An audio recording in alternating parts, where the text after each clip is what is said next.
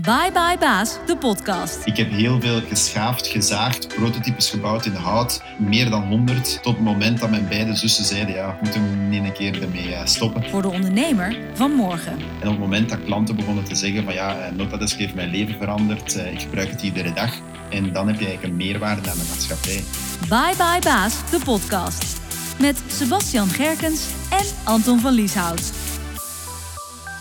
Welkom bij een nieuwe aflevering van eh, Bye Bye Baas. En vandaag is mijn gast Andreas de Smet. Hij komt uit het Belgische Gent en hij is de oprichter van Not a Desk. Eh, Andreas, fijn dat je hier wil zijn. Dankjewel. Het is een eer om hier te zijn. Nou, eh, leuk om te horen sowieso. En ik spreek het goed uit, hè? Not a Desk. Ja, not a desk. Dus we zijn eigenlijk de antidote voor het traditionele kantoor. Precies. Nou, we komen er zo meteen nog uitgebreid op terug. eh, wat dat dan precies is en waarom iedereen dat misschien wel zou willen hebben. Ehm, maar laten we even beginnen bij het begin. Want eh, wat is voor jou eh, de belangrijkste reden geweest om voor jezelf te beginnen? Ik zat eigenlijk op mijn eerste job vast en ik was niet tevreden met mijn performance. Ehm, omdat ik eigenlijk heel veel afgeleid was. Dus ik had wel een mooie job, een mooie carrière. Maar ik wist, als ik hierop blijf, ga ik altijd maar op 60% van mijn capaciteit zitten. En ik wou naar de 100% gaan. En eh, de enigste manier om de 100% te bereiken was eigenlijk mijn eigen bedrijfje opstarten. En dan ben ik ervoor gegaan. Dus eigenlijk had je niet genoeg voldoening in het werk wat je deed.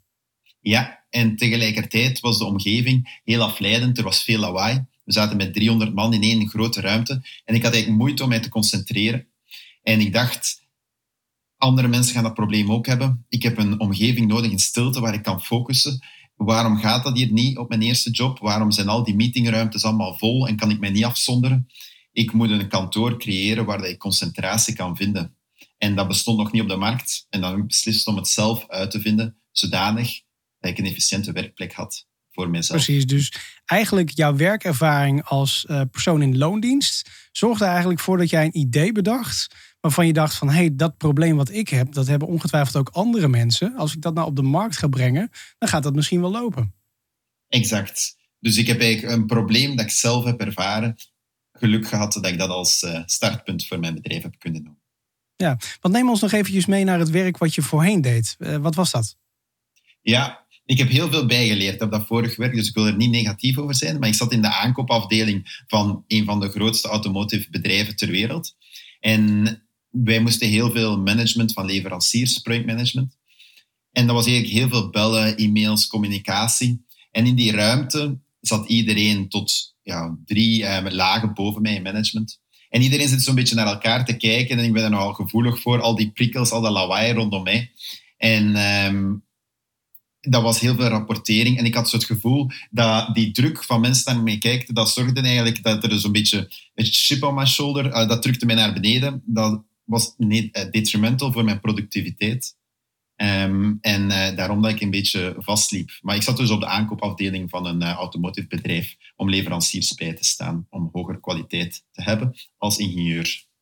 Ja, en die ervaring uh, en ook eigenlijk de problemen die je als werknemer daar tegenkwam, heb je meegenomen in jouw nieuwe onderneming, Not Desk. Um, hoe heb je die stap gemaakt in eerste instantie om voor jezelf te beginnen? Ja, daar heb ik eigenlijk. Ik heb een jaartje ook economie gedaan na mijn ingenieursopleiding. En daar heb ik geleerd eigenlijk om lean te gaan, zo weinig mogelijk risico te nemen en uh, zo snel mogelijk te falen eigenlijk. En op basis daarvan heb ik beslist om eigenlijk part-time te beginnen werken initieel. En dat is wel iets wat ik iedereen zou aanraden dat zijn eigen bedrijf heeft.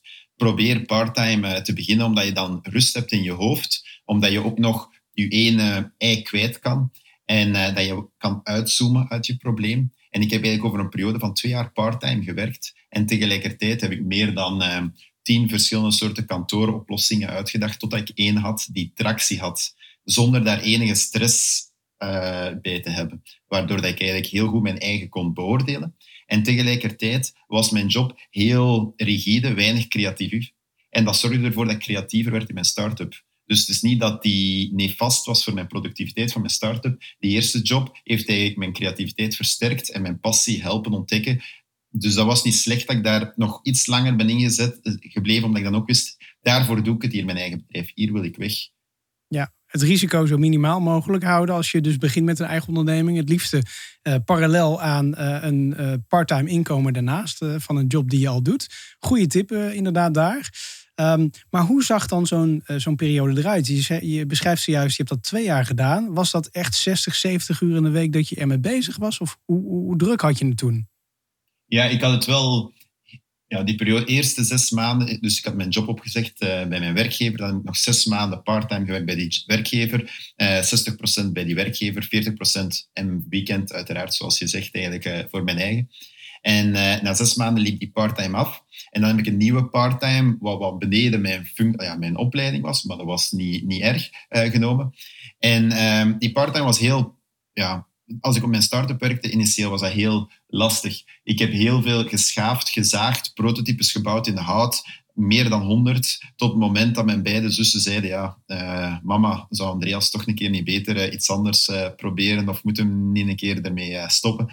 En dan mijn moeder heeft mij altijd gesteund. Mijn vader heeft ook gezegd, Andreas mag blijven proberen zolang hij wil. geen probleem. Ehm, want ja, ik zat ook bij hen in de tuin. Um, ja, ik heb daar zonneslagen op gedaan, omdat ik heel tijd buiten zat te werken in, met dat hout. Maar dat, die periode voordat je lanceert, hoe langer dat die is, ik vind dat ook waardevol, omdat je op dat moment nog geen RZ betaalt en je kan dan nog vrij experimenteren. En ik heb heel veel, um, ja, heel hard gewerkt in die periode, maar heel veel ideeën eigenlijk on hold gezet, dat ik nu allemaal terug uit de koelkast kan halen, nu dat mijn bedrijf gelanceerd is en in een betere vorm op de markt kan brengen. Een beetje zoals een uh, wijn die gerijpt heeft onderbewust en, ehm, en dan tot uiting eh, komt. Dus eigenlijk is die periode dat je part-time werkte en dus al hard werkte aan uh, Notadesk, is eigenlijk een hele vruchtbare periode geweest voor je. Exact. Op dat moment zelf, toen ik erin zat, leek dat volledig verloren, maar eigenlijk in hindsight was dat een supergoeie periode. Ja, ik zie nu inderdaad ook het beeld voor me dat je in de tuin bij je ouders uh, 100 prototypes aan het maken bent. Um, zometeen komen we nog even in detail uh, op het product wat je dus gemaakt hebt uh, terug. Um, maar eerst nog eventjes de stap dat je dan op een gegeven moment die parttime job achter je laat en volledig op jezelf bent aangewezen. Um, was dat spannend? Was dat, ging dat je vanzelf af? Hoe was dat?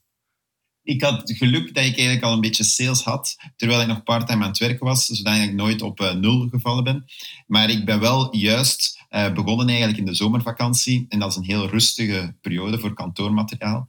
Dus dat was wel redelijk stresserend, uh, om eerlijk te zijn. Maar gelukkig vanaf september is dat volume terug omhoog beginnen te gaan.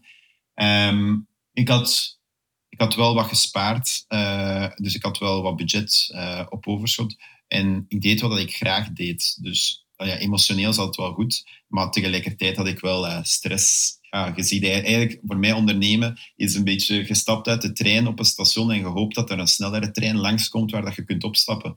Maar voor hetzelfde geld komt er geen één trein niet meer en blijf je op je station staan en al je vrienden zitten nog op diezelfde boemel. Uh, ja, weer promotie, drie jaar verder weer promotie en jij staat op je station ook te wachten. Waar komt in een TGV? En uh, daar moet je wel wat vertrouwen voor hebben. Ja, precies. Dus dat maakt je misschien uh, op zo'n moment best wel benauwd. Maar mhm. uiteindelijk is dat uh, heel goed gekomen. Ik hoor ook nog iets anders interessants wat je zegt. Want aan de ene kant heb je dus die saleservaring. En dat zie je vaak. Uh, dat is een aspect wat bij creatieve mensen vaak mist. Hè? Mhm. Dus je ziet heel veel ondernemers die hebben een idee. Dat willen ze gaan uitvoeren. Maar ze weten niet hoe ze het kunnen verkopen. Of andersom, uh, mensen die heel goed in sales zijn. Um, maar die zijn niet creatief. Die, die weten niet zeg maar, van een probleem een oplossing te maken. Um, maakt jou dat misschien wel uniek als ondernemer als je er zo naar kijkt? Ja, ik vind dat je heel goed hebt opgemerkt eigenlijk. ja, ik kan niks echt goed, maar ik kan wel heel veel, uh, ja, heel veel een beetje. En uh, in der tijd, ja, ze zeggen ook, uh, intelligentie is niet enkel gewoon puur IQ of emotioneel omgang, dat is ook uw nieuwsgierigheid. En ik heb een heel grote nieuwsgierigheid naar nieuwe gebieden, waardoor dat ik mij ook wel kan inwerken in uh, nieuwe problemen. En ik durf ook veel dingen opnieuw te beginnen, retry. Maar uh, je hebt gelijk, ja, ik heb wel een goede skillset, ook op mijn eerste job. Dat was aankoop, dus daardoor kan ik sourcing, ben ik rechtstreeks bij de leverancier ja, helemaal in verticale integratie kunnen gaan voor mijn productie te sourcen. Niet veel mensen weten hoe dat ze dat moeten doen en daarom proberen ze het zelf te doen en dan zijn ze niet zo schaalbaar. Um, tegelijkertijd heb ik door die saleservaring inderdaad uh, de ervaring om het rechtstreeks tot de klant te brengen en omdat ik begonnen ben met een webshop, was, uh, heb ik grote, uh, mijn marge volledig gecontroleerd. Dus kan ik eigenlijk met weinig verkoop toch rendabel zijn als bedrijf.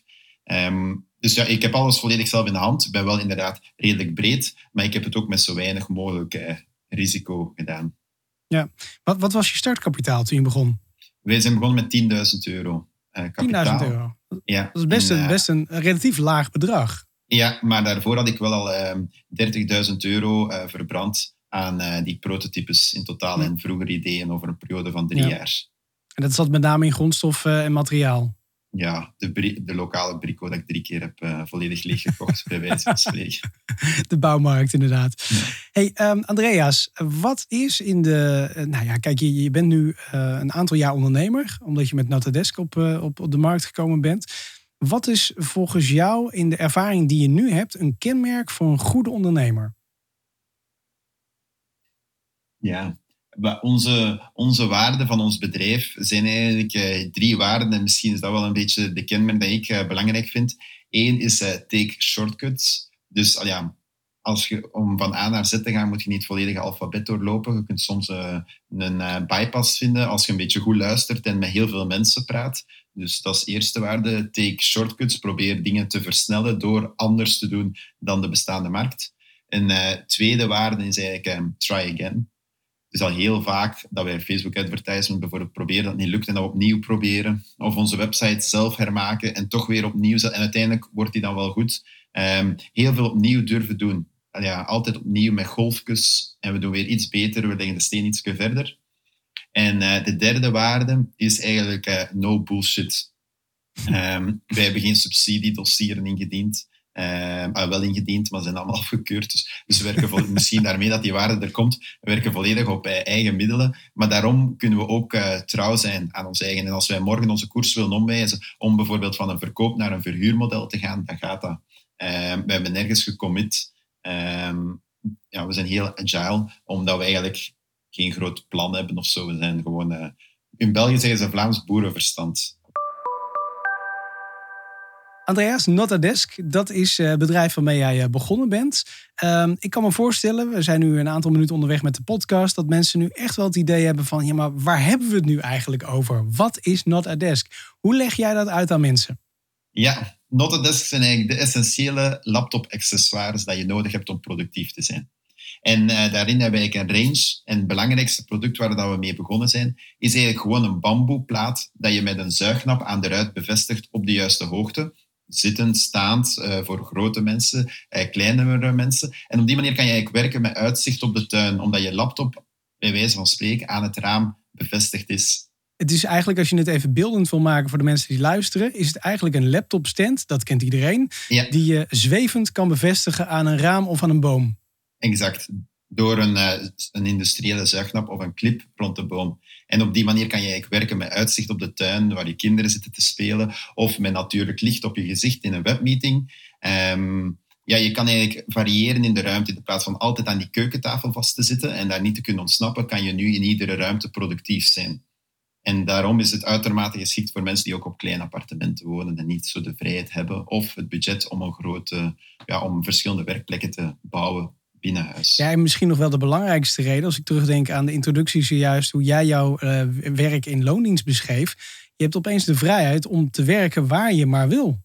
Mm -hmm. Exact, en met zelfvertrouwen, met zicht op de natuur, wat ervoor zorgt dat je meer ja, fierheid hebt en uh, meer, je bent meer je mindset. Als je kijkt op de natuur, is een beetje alsof je in vakantie bent. Dus je hebt al um, gratification, waardoor dat je eigenlijk rustiger kan werken en minder verwachtingen hebt van jezelf. En die vrijheid zorgt ervoor dat je beter uh, denkt. Ja, je ehm, kunt de rust opzoeken, je kan uh, de drukte opzoeken. Uh, je hebt geen last van een, een, vergaderruimte waar je creativiteit doodslaat, zeg maar. ja, je regie ligt eigenlijk in je eigen handen, zolang je werkgever er maar voor open staat dat je van plek wisselt. Exact. En eigenlijk, dan zeg je van plek wisselt. En daar komen eigenlijk het belangrijkste, eigenlijk in België, is eigenlijk um, ja, sedentair gedrag staat op de vierde belangrijkste plaats eh, als doodsoorzaak. Eigenlijk wegens hartfalen. En België en Nederland staat eigenlijk nog hoger als land met het meeste aantal uh, uren dat er gezeten wordt. Staat dat zijn ook kantoorwerkers, white collars. Wij zitten heel veel. En uh, België staat op de zesde plaats en ik denk dat Nederland vijfde of vierde plaats staat. En tegelijkertijd, iemand die dat tien uur per dag zit, ten opzichte van iemand dat maar één uur per dag zit, heeft 34% meer kans op hartfalen. Dus we willen eigenlijk mensen doen bewegen. En als jij naar je raam stapt om te werken met uitzicht, dan ben je aan het bewegen. En als je die in hoogte verandert, dan ben je aan het bewegen. En we, daarom die vaste keukentafel, één locatie, dat is niet enkel slecht voor je creativiteit of uh, voor je stress. Het is ook slecht voor je hart uh, en ja. voor je lichaam. Ja, ze zeggen ook wel eens, uh, het zitten is het nieuwe roken. Hè? Dat je mm -hmm. dus de hele dag zit. En ja, ik probeer ook gedurende de werkdag altijd eventjes een half uur tot een uur te gaan wandelen om even die werkdag door midden te breken. Maar dit is inderdaad ook een hele mooie vinding om op die manier gezonder door het leven te gaan. Uh, Andreas, je vertelde net al eventjes over uh, die talloze prototypes die door de tuin zwierven bij jouw ouders thuis. Um, kun je nog wat meer vertellen over hoe je dit product uiteindelijk van idee tot product ontwikkeld hebt? Ja, en je zegt eigenlijk van idee tot product.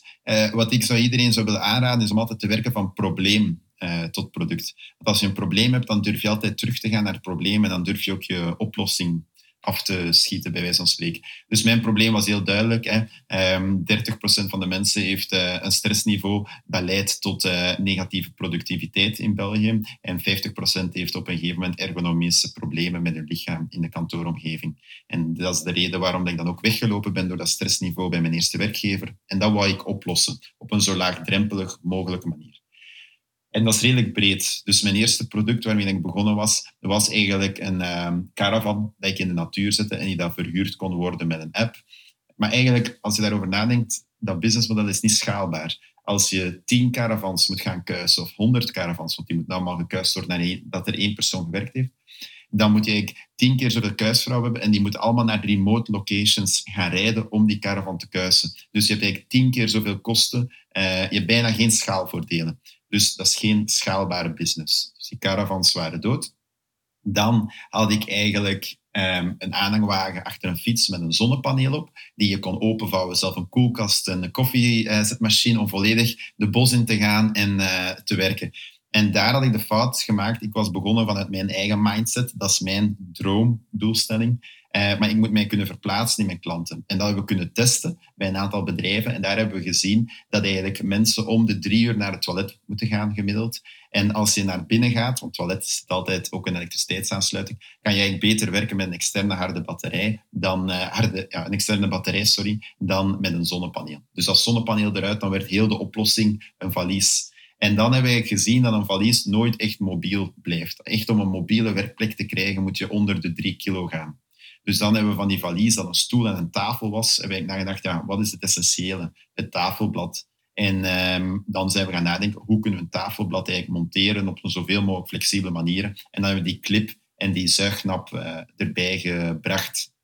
En doordat wij dat proces hebben gehad voor, gedaan voor simplification, um, simplification is the ultimate sophistication, uh, zeggen ze eigenlijk ook, komen we eigenlijk met een product uit dat heel betaalbaar is, en heel eenvoudig en heel makkelijk kwalitatief uh, te produceren en met eigen middelen te controleren, makkelijk te verzenden. En uh, hebben ook een eenvoudigere fit om naar de markt uh, te komen. En dat is die periode van twee jaar waar ik dus die parttime heb gewerkt om eigenlijk van een, een caravan in de natuur naar een bamboeplaat van 40 op 30 centimeter te gaan. Ja, het is een mooie reis zoals je het nu beschrijft. Want eigenlijk ben je helemaal terug naar de essentie gegaan. Je hebt het het probleem, zoals je het ook omschrijft, zo klein mogelijk gemaakt. Letterlijk ook. Uh, maar de oplossing is des te groter geworden. Want je hebt nu een product wat je in duizendentallen kunt produceren. Um, en wat inderdaad, wat je net ook al zegt, schaalbaar is. Dus um, inderdaad, het probleem um, zo klein mogelijk houden eigenlijk. En zo eenvoudig mogelijk oplossen. En dat uh, zeg maar schaalbaar in de markt zetten. Dat is eigenlijk een, een groot, ja, een, uh, hoe zal ik dit zeggen? Dat is eigenlijk een middel om succes te krijgen als ondernemer. Ja, en dat is ook een advies dat ik aan iedereen zou willen geven. Je moet niet meteen een uh, elektrische wagen uitvinden. Al ja, begin met iets kleins, tastbaars. Want wij, wij lanceren vier nieuwe producten per jaar. En die hebben ook een zetel. Al ja, we gaan wel wat complexer. Um, maar doordat die ene bamboeplaat eigenlijk mijn profit creëert, kan ik via organische groei al mijn nieuwe, vier nieuwe producten, introducties per jaar financieren. Um, Oké, okay, het is sexier, had ik gezegd. Uh, ik ben hier met een uh, elektrische wagen dat ik heb ontwikkeld. Elon Musk. exact, en dat is wel ja. nog altijd uh, de droom. Maar soms, ja, om daar te geraken, moet je beginnen met een betaalterminal. Hè. ja. Elon Musk. Ja. Nu zei je net al eventjes dat ehm, eh, op basis van statistieken wist je dat er hè, mensen gezondheidsproblemen hebben en dat dit voor mensen wat zou kunnen betekenen. Maar wist je ook concreet dat er markt zou zijn voor een product zoals dit? Ja, ik heb eigenlijk eerst uh, twintig stuks zelf gemaakt in uh, een FabLab. En die waren allemaal verkocht, mijn prijszetting goed gezet. En dan ehm, ben ik rechtstreeks, uh, dan heb ik 500 stuks in één keer laten produceren. En dat is wel wat risico. Maar als je zelf je productie controleert, als je zelf de sourcing doet en zelf design, dan is dat eigenlijk allemaal niet zo'n grote investering duurt een beetje langer. En met risico bedoel je dan um, dat het fout geproduceerd kan worden? Of dat er ja, veel financiën mee gemoeid zijn? Of? Fout geproduceerd. En twee, dat er uh, te weinig afname is. Um, maar daarom heb en dat, ik ook dat je dus met voorraad blijft zitten, ja. Exact. En daarom is het wel belangrijk dat je van dag één voldoende marge hebt, zodat je altijd met die prijs een beetje kan spelen of distributeurs er kan. Je moet eigenlijk altijd vijf keer je componentenkost doen als verkoopprijs. Dat is een basisregel. Uh, en dat konden we doen. Dus dan wisten we ook, Ah ja, oké, we hebben wel wat risico, we nemen wel wat stok aan, maar de marge zit er ook wel tussen om alle tussenschakels er kunnen in te steken, moest dat nodig blijken. Ja, goede tip daar inderdaad. Ehm, ik zit even te denken, afgelopen jaar, en nog steeds eigenlijk, maar het wordt gelukkig steeds minder, was natuurlijk de ultieme periode van het thuiswerken en juist niet op kantoor door corona. Um, kwam dat eigenlijk een beetje als een geschenk voor dit idee in jouw ogen? Ik denk het wel. Uh, ik denk ja, ik vind het ook eh, jammer. Hè? Ah ja, en ik wil ook niet zeggen, ik ben blij dat uh, dat gebeurd is, want heel veel mensen hebben er heel hard van afgezien. Maar je moet ook eerlijk benoemen, ehm, en veel bedrijven hebben er ook eigenlijk voordeel uit gehad, hè? meer dan dat soms in de media komt. Maar ehm, het COVID heeft ervoor gezorgd dat de huidige werkplek in vraag is gesteld. Um, en dat mensen zijn beginnen na te denken over nieuwe locaties thuiswerken. En ik denk dat dat een beetje een disruptie is omdat thuiswerken eigenlijk goedkoper is aan de werkgever en tegelijkertijd meer meerwaarde biedt voor de werknemer. Dus ja, dat is volgens mij dat een duurzame oplossing. En sinds COVID zijn we allemaal meer uh, gaan thuiswerken, minder fillen. En daar zijn ze meer, 30% van alle thuiswerkers heeft geen eigen kantooromgeving. Die zitten gewoon aan de keukentafel. En uh, die zijn eigenlijk degene dat het meest afzien van thuiswerken. En die gaan op zoek naar flexibele producten, zodat ze eigenlijk kunnen bewegen, dat ze hun huis zo optimaal mogelijk kunnen gebruiken. En dat zijn onze klanten. Dus um, we zijn van 6% thuiswerkers naar 50% thuiswerkers gegaan. Dus mijn markt is maar 10 gegaan uh, sinds uh, COVID. Dus ja, daar heb ik... Uh, maar ik wist wel voor COVID, ook doordat ik zelf aan thuiswerken was, dat het thuiswerken dat dat eigenlijk een grote meerwaarde was. Dus zoals je nu zou kunnen zeggen dat de natuur, de drang naar natuur ook gaat toenemen. Dus ik zag het wel wat aankomen. Maar COVID heeft het inderdaad wel versneld. Ja, plus dat je ook zelf heel erg de behoefte hebt om inderdaad buiten aan het werk te zijn. Hè? Dus ja, ik zeg altijd maar zo, als ik zelf het gevoel heb dat ik iets heel graag zou willen doen, dan zijn er ongetwijfeld ook mensen die dat gevoel ook hebben. Exact. En dan moet je zoveel mogelijk spreken met je omgeving. Ja, echt eh, naar buiten komen en uh, ja, zoveel mogelijk tonen, feedback vragen. En dan weet je wat er leeft op de markt. Ja. Andreas, wat was eigenlijk het moment dat je dacht, Notadesk is nu echt een bedrijf. Het is niet meer een idee, het is niet meer een start-up, maar ik ben nu echt een bedrijf aan het runnen. Ja, toen ik mij lanceerde, dat, realiseerde dat wij vier nieuwe producten hebben gelanceerd uh, afgelopen jaar, volledig op eigen middelen, zonder schulden aan te gaan, dan dacht ik, wow, ja, bottom line, er blijft niet veel over, maar we hebben wel uh, nieuwe producten, nieuwe stok aangezet. Dus we, en we kunnen eigenlijk blijven groeien. Mijn enigste grens is mijn eigen creativiteit. Ehm, dus dan dacht ik, oh we zitten hier wel met een schaalbaar model, een mooi, een mooi diamantje dat we goed aan uh, kunnen werken. Maar wat is echt specifiek de trigger op het moment dat je... Wij hadden in ons checkout proces vragen waarom heb je het product gekocht en een week, twee weken later vragen ook aan de klant ben je tevreden met de aankoop. En op het moment dat klanten begonnen te zeggen van ja, eh, Notadesk heeft mijn leven veranderd, uh, ik gebruik het iedere dag. En dat je die positieve reviews en dat je denkt, wow, ik maak hier wel impact voor die mensen. Ik ben hier geen geld aan het verdienen. Het is eigenlijk hun dat ik help. En dan heb je eigenlijk een meerwaarde aan de maatschappij. En uh, ja, dat, op dat moment realiseerde ik, uh, uh, yes, eh, het gaat niet meer, die mensen kopen dat niet om mij een plezier te doen. Die mensen kopen dat omdat ze het nodig hebben. En ze gebruiken het ook. En het is dan, opeens een, eigenlijk betekenisvol om een product inderdaad op de markt te brengen, omdat je er eigenlijk echt mensen mee helpt. En plek mhm. twee is eigenlijk dat je er ook nog ja, een boterham aan verdient. Exact, want als ondernemer, ik weet niet, ben je soms misschien een beetje te zacht en denk je, ja, we zijn niet zo ambitieus. Uh, maar ik moet wel als die Amerikanen gewoon ja, dat ons product is goed, gaat ervoor. En uh, dan is dan wel leuk als je die marktbevestiging ziet. Je zei net al even heel goed inderdaad, je kunt uh, een mooi diamantje hebben, maar op een gegeven moment is dat diamantje niet meer nieuw en is het grootste deel van de markt voorzien. Um, je gaf ook al aan, we proberen zo'n vier producten per jaar te lanceren. Hoe belangrijk is dat als bedrijf om met nieuwe vindingen en nieuwe producten op de markt te blijven komen, om, om levensvatbaar te blijven? Ja, er is, dat is een heel gevaarlijke valkuil, bij wijze van spreken. Er zijn heel veel uh, start-ups die dat hun product overly complicated maken en features toevoegen, duizend en één features, zonder naar de markt uh, te luisteren. Dus het is gevaarlijk voor mij om daar een uitspraak over te doen. Wat ik wel kan zeggen is, als je met weinig budget een nieuw product uh, kan lanceren, en je hebt schaalvoordelen door meerdere producten te hebben, dan is het heel uh, belangrijk. En dat hebben wij. Als wij nu met onze acht producten, kunnen wij veel meer een bedrijf gaan contacteren en kunnen we onze kosten om dat bedrijf te benaderen deel door acht, omdat we acht producten kunnen voorstellen. En we gaan op den duur gaan mensen meer en meer verleid voelen om met ons samen te werken, die tussenmarkt, die distributeurs. Bij ons is echt wel een breed product is essentieel om onze, onze power, market power te vergroten het is niet enkel gewoon om uh, prestige of creativiteit. Het is gewoon de enige manier om echt die markt op te kunnen gaan en uh, incontournabele, be unstoppable uh, te zijn.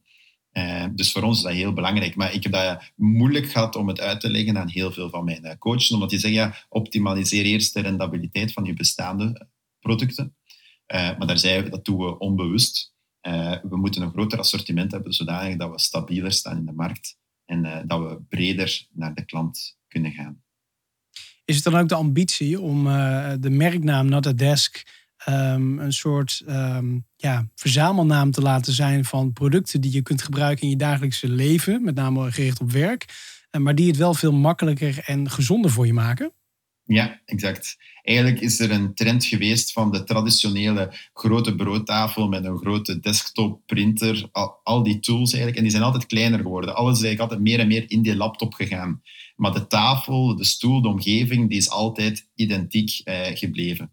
En eh, nu is het tijd om terug die laptop de tools te voorzien, zodat mensen ook productief kunnen werken aan die laptop, uh, in de plaats van dingen weg te nemen, terug bij te bouwen. En wij hopen eigenlijk een volledig ja, een volledige wereld uh, rond de werknemers uh, te bouwen met innovatieve tools, waarvan dat geen één product een MeToo-product is. Ieder product moet uh, onderscheidend zijn. Um, en daar zie je dan eigenlijk mijn achtergrond als ingenieur en niet als designer.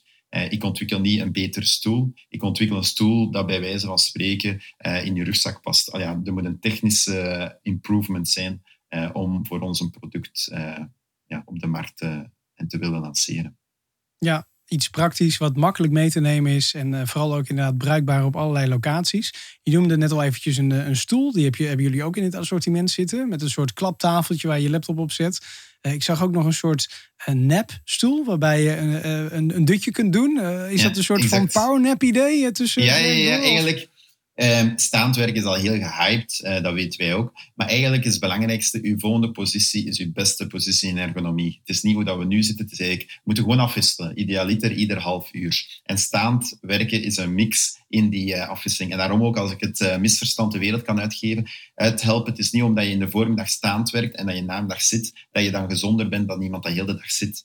Je moet ieder uur afwisselen. als je een telefoon hebt gaan staan, et cetera. Maar eigenlijk in die afwisseling kan liggen ook een alternatief zijn voor zitten, omdat je dan ook een bepaalde delen van je lichaam ontspant. En die zetel, dat is wel het verst in ons pipeline. Maar daar geloof ik het meest in, want het is makkelijker om mensen in een zetel te laten liggen dan recht te laten staan. Um, is eigenlijk een uh, zero gravity zetel. Wat wil zeggen dat eigenlijk je voeten op hetzelfde niveau zijn als je hart. Dat is dezelfde positie als je eigenlijk de ruimte ingeschoten wordt. En op die moment heb je eigenlijk minimale belasting van je rugwervels, ja, van de sponsjes ertussen. Dus je groeit bij wijze van spreken terwijl dat je op die zetel ligt, omdat die sponsjes kunnen ontspannen, omdat ze niet samengedrukt worden in je wervel. En dat is eigenlijk goed tegen rugpijn voor alle thuiswerkers. En door die specifieke positie is het mogelijk eigenlijk om je laptop op je schoot te nemen met een labdesk en te werken in die zero gravity positie. En dat, ja, dat is niet nieuw hoor. Uh, in Amerika bestaat dit reeds, maar die prijscategorie is wel uh, nieuw waarin dat wij het ja. willen brengen.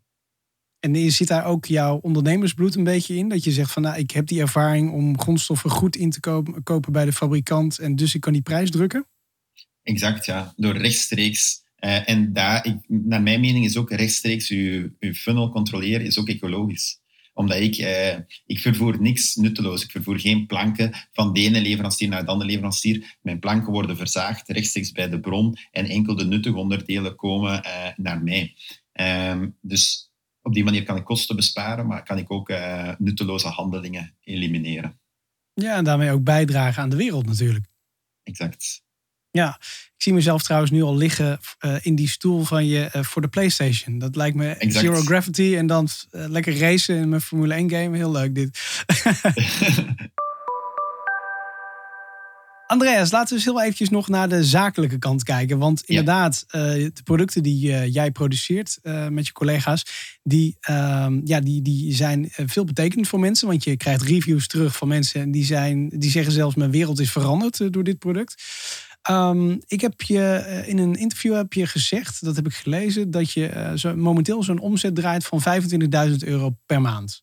Ja, dat hebben we afgelopen maand gedraaid, inderdaad. Ja, precies. En dat je target voor dit jaar op een half miljoen ligt. Um, dat is een flinke target. Uh, maar sterker nog, in hetzelfde interview zei je nog: Mijn droom is over 10 jaar 50 miljoen euro omzet te draaien. Mm -hmm. Nou, ik hou van goede ambities. Maar um, ja, hoe maak je dan zo'n plan om dat voor elkaar te gaan krijgen? Zit dat puur en alleen in schaalbaarheid of zit daar nog wat anders achter? Ja, om eerlijk te zijn, uh, daar zit niet zoveel plan achter. Dat is gewoon uh, ambitie en ook een beetje publiciteit om in de media te komen. En mijn eerste jaar is ook een jaar van eigenlijk 18 maanden. Dus daar heb ik ook al een beetje flexibiliteit in.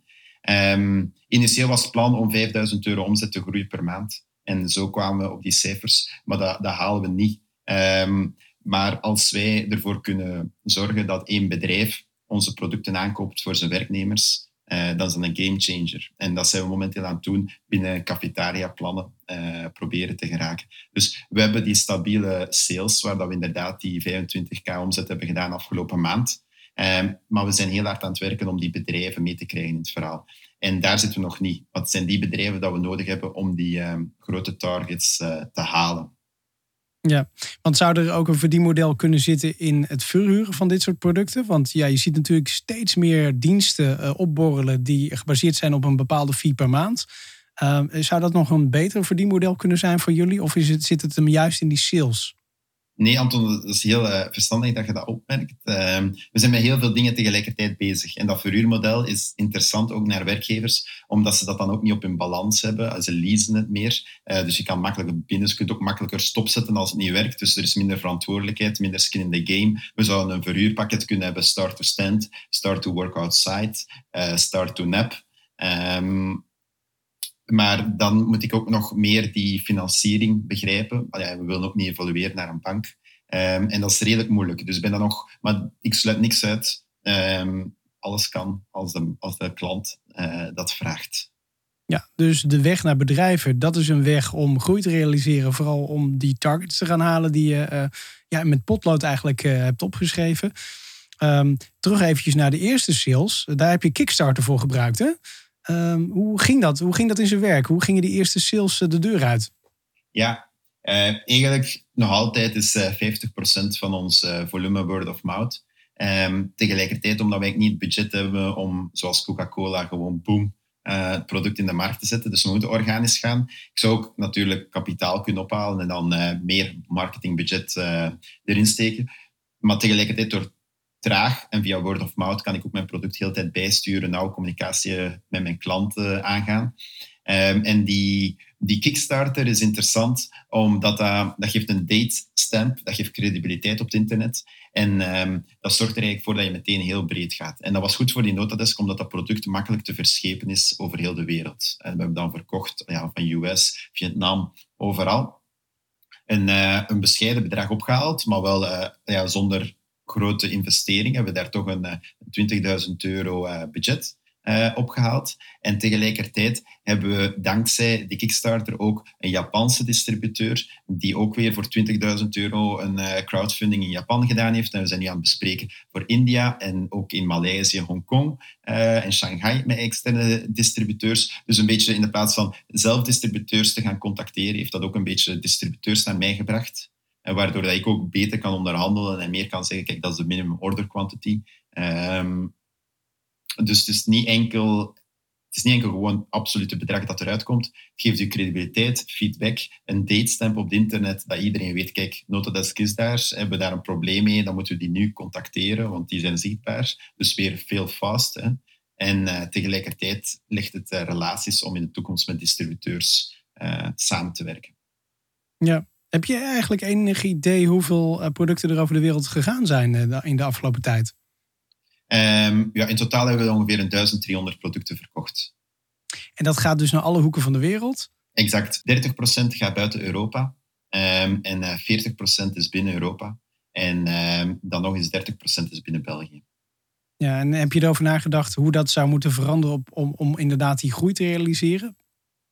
Ja, dat is die, die schaalbaarheid. Eigenlijk heb je, je hebt eigenlijk twee, twee strekkingen. Je hebt growth hacking, dat zegt heel veel verschillende experimenten tegelijkertijd, zien waar dat attractie is. En dan heb je ook moving the needle, wat dat werkt. Uh, versterk dat en blijf daarop uh, werken. Ik zit een beetje heel hard op die growth hacking, dus ik, ja, ik voel me soms een beetje zo'n cowboy dat in de natuur aan het schieten is, rondom hem met 500 kogels en af en toe valt er een keer een vogel neer. Uh, omdat ik die per toeval geraakt heb. Ik moet eigenlijk meer een beetje gaan naar die sniper en uh, die bestaande funnels uh, optimaliseren. En daardoor ga ik ook mij laten versterken vanaf september ehm, door een, een, werknemer dat mij ook wat gaat kunnen helpen om die structuur erin te brengen. Um, maar die internationalisering is een van de vijf funnels naar growth. Ja. Ja, ja, want je kunt uiteindelijk niet meer alles alleen doen, want daarvoor wordt het bedrijf natuurlijk te groot. Exact, ja. Andreas, ik vind het echt een heel boeiend uh, ondernemersverhaal tot dusver al uh, wat we met elkaar eh, bespreken. Met name ook omdat je natuurlijk zelf heel duidelijk een probleem tegenkwam wat je uit de wereld wilde helpen. Nou, dat is je gelukt door meerdere producten op de markt te brengen intussen die het leven van mensen een stuk beter maken. dat zorgde er ook voor dat je zelfstandig ondernemer werd. Ehm, nou, daarvoor kreeg je een stuk vrijheid terug, maar ook natuurlijk veel verantwoordelijkheid. Um, door die reis heen, wat is het beste advies wat jij ooit hebt gekregen van een andere ondernemer? Ja, eigenlijk uh, mijn mentor uh, aan uh, de business school, die zei gewoon keep it simple. Ah ja, gewoon boots on the ground, go with it. En dat is wel goed, want eigenlijk, je hebt heel veel high-end ondernemers die zeggen, ja, stik daar gewoon een marketingbudget in, hè, 5000 euro in Facebook, boom, boom.